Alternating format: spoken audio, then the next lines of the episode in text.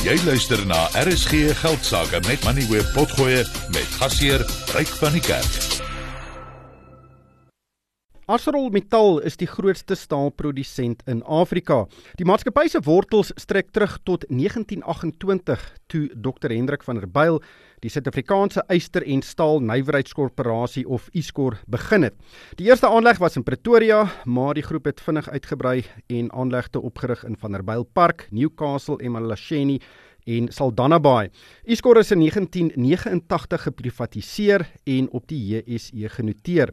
In 2001 het die maatskappy sy staal en mynboubedrywighede van mekaar geskei. Die mynboubedrywighede is in Kumba gekonsolideer en die staalbesigheid het in Iskor agtergebly. In 2003 het die internasionale staalgroep L&M 'n groot belang in Iskor gekoop, maar is kort daarna deur die Indiese staalreus Mittal oorgeneem. In 2006 het Mittal met nog 'n internasionale staalreus Arcelor saamgesmelt en dit is waar die naam ArcelorMittal Suid-Afrika vandaan kom. Die groep het pas resultate vir sy vorige boekjaar bekend gemaak. Die omset was 2% hoër op 41,6 miljard rand. Die groep het 'n wesensverlies van 1,9 miljard rand gely nadat dit in die vorige boekjaar 'n wins van 2,6 miljard rand verdien het. Geen dividend is verklaar nie. Kobus Verster is op die lyn. Hy is die uitvoerende hoof. Kobus, baie welkom by die program.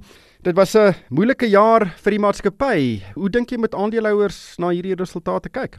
Moet sê jy ken jou geskiedenis baie goed.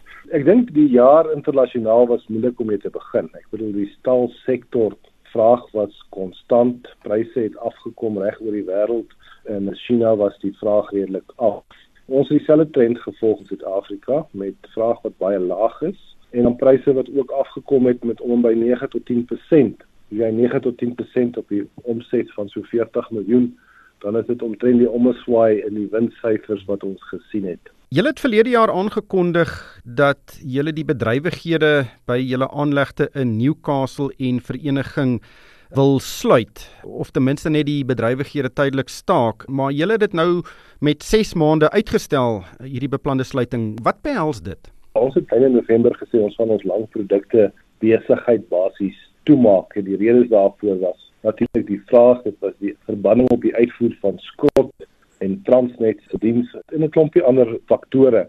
Natuurlik sedert dit het ons baie hard gewerk met verskeie belangegroepe en daar's moontlikhede op die tafel om daai mededingende nadeel wat ons het uit te wis en ons het gedink dat die verantwoordelike ding om te doen om bietjie tyd te koop vir die mense en vir die besigheid en te sien hoe ons hierdie inisiatiewe basies kan realiseer. Dit het 'n baie groot potensiële impak op Suid-Afrika want julle is die enigste wesenlike staalprodusent hier.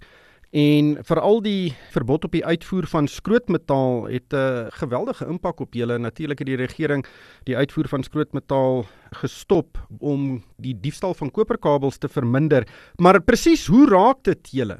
Dit gee onby 2000 rand per ton kostevoordeel vir die elektriek arc produsente So met ander woorde dit verskuif basies die geld van die skrot versamelaar of kollektor en 'n Newcastle aanleg na 'n paar ander individue. So dit is daai onregverdigheid wat dit moeilik maak vir Newcastle. Nou reg oor die wêreld is die produksiekoste van 'n geïntegreerde roete soos van 'n byl en Newcastle het die skrotroetes min of meer dieselfde. Maar jy kan nie 'n 2000 rand per ton subsidie wat die ander produsente kry regtig neutraliseer deur ander effektiwiteite of dinge in jou maatskappy nie. Die punt is die skrootmetaal kan nie uitgevoer word nie en dus word dit plaaslik verwerk en daai staal ding dan mee met die staal wat jy vervaardig. Korrek, maar dit is heeltemal regverdig. Ek bedoel dit gebeur reg oor die wêreld en die koste van daai twee roetes is min of meer dieselfde, maar as jy jou uitvoere beperk en jou skrot in Suid-Afrika is R2000 goedkoper as wat dit moet wees. Dit is waar die probleem ontstaan. So wat beteken dit vir ArcelorMittal as die situasie nie verbeter nie? veral in die konteks van die huidige ontwikkelings in die skrootmetaalbedryf. Ek dink ons was baie duidelik geweest as ons die langprodukte toemaak, dan sien ons blywende besigheid ek baie meer winsgewend, winsgewend op die kort en lang termyn. So is 'n baie makliker besigheid. So die konfigurasie wat ons wil hê vir die langprodukte om hom oop te hou moet daai selfde of 'n beter finansiële uitslag hê En ons huidige modellering toon dat as die ek wil nie sê beloftes nie, dit is meer as beloftes, is 'n werklike geloofwaardigheid van die inisiatiewe. As dit realiseer soos ons voorsien, dan gaan die besigheid meer winsgewend wees as wat dit sou gewees het as dit net die platprodukte was. En ek dink dit is waarna toe ons werk as dit bereik kan word het ons ook die voordele van ons behou en mense praat van om en by 80000 poste in die downstream en die breër sektor en die impak op die breër ekonomie. So tot die mate dat ons onsself bietjie tyd koop en ons kan dit maak werk is die voordeel vir baie rolspelers wesentlik. Wat presies is langstaal en waarvoor word dit gebruik en hoekom is dit so kritiek dat dit in Suid-Afrika vervaardig word? ons het ook kapasiteit in Suid-Afrika. Daar's om en by 400 000 ton wat net Newcastle maak wat 'n hoë kwaliteit is. Dit word gebruik in motorvervaardiging en die onderstelle, maar oor die algemeen is langprodukte in konstruksie. So infrastruktuur, die uitrol van die Eskom netwerk, dit gebruik langprodukte en dit gebruik 40% van die kwaliteite van Eskom se bouprogram in terme van infrastruktuur kan net van Newcastle afkom. Dit kan nie van ander laagkwaliteit electric arc furnaces kom nie. So daar's 'n groot deel as jy dit nie maak nie, dan moet jy dit invoer.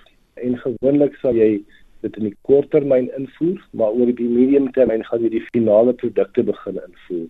Dit is 'n hele proses van die industrialisation wat ons moet voorkom.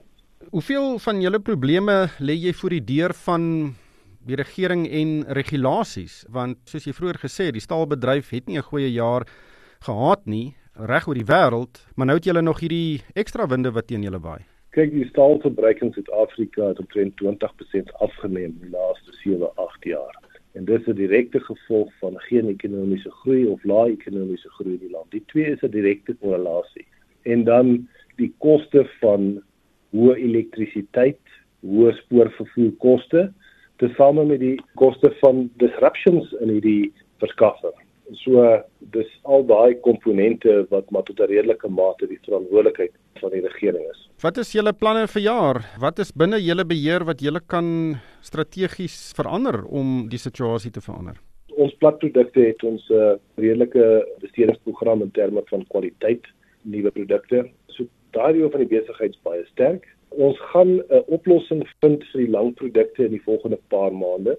As daai oplossing nie daar is nie en is nie beter as die huidige bestel nie, dan sal ons nog steeds moet terugkom na die besluit om die plek toe te maak. Maar vir die oomblik kom ons probeer meer na die positiewe kant kyk en alle efforts insit om dit te maak werk.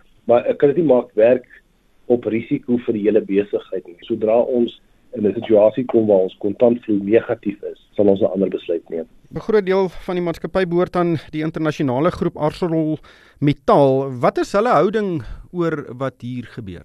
Nee, ek dink hulle is natuurlik bekommerd oor die vraagkant. Ek dink hulle aanvaar dat alle lande het hulle probleme en plaaslike bestuur moet werk om daai goed op te los, maar in 'n geïntegreerde staalbedryf as jy nie volume het nie, is dit moeilik hulle simpatie, maar ek dink die volume issue en die groei issue is vir hulle 'n probleem. Ja, ek dink dit is 'n probleem. Ek dink in baie baie bedrywe in Suid-Afrika. Maar hoe voorsien jy gaan die ekonomie presteer? Dit lyk asof ons genoeg elektrisiteit gaan kry vanuit die privaat sektor in die nabye toekoms. Julle is ook besig met 'n baie groot projek, maar voorsien julle dat die vraag kan optel soos van ons strukturele probleme stelselmatig aangespreek word, natuurlik ook die probleme by Transnet. Ek dink oor die algemene ekonomie is nie noodwendig persoonlik baie opgewonde nie, maar as jy kyk na staal alleen, ek bedoel ons is op 4 miljoen ton se verbruik vir staal per jaar met 'n bevolking van 65 miljoen is baie laag aan 'n per capita internasionale basis. So ek dink dit kan verder afneem nie. Dit is amper onmoontlik. Dan het jy die Eskom uitbreidings op die netwerk, ons het die renewables. So daai vraag dink ek gaan addisioneel wees tot waar ons is. En dan ek dink ons moet ook bietjie slimmer wees in ons buurlande, Sub-Sahara Afrika en daai areas. Jy weet hulle groei almal 3 3.5%, amper 50% van ons uitvoere gaan nou na Afrika oor land lande toe.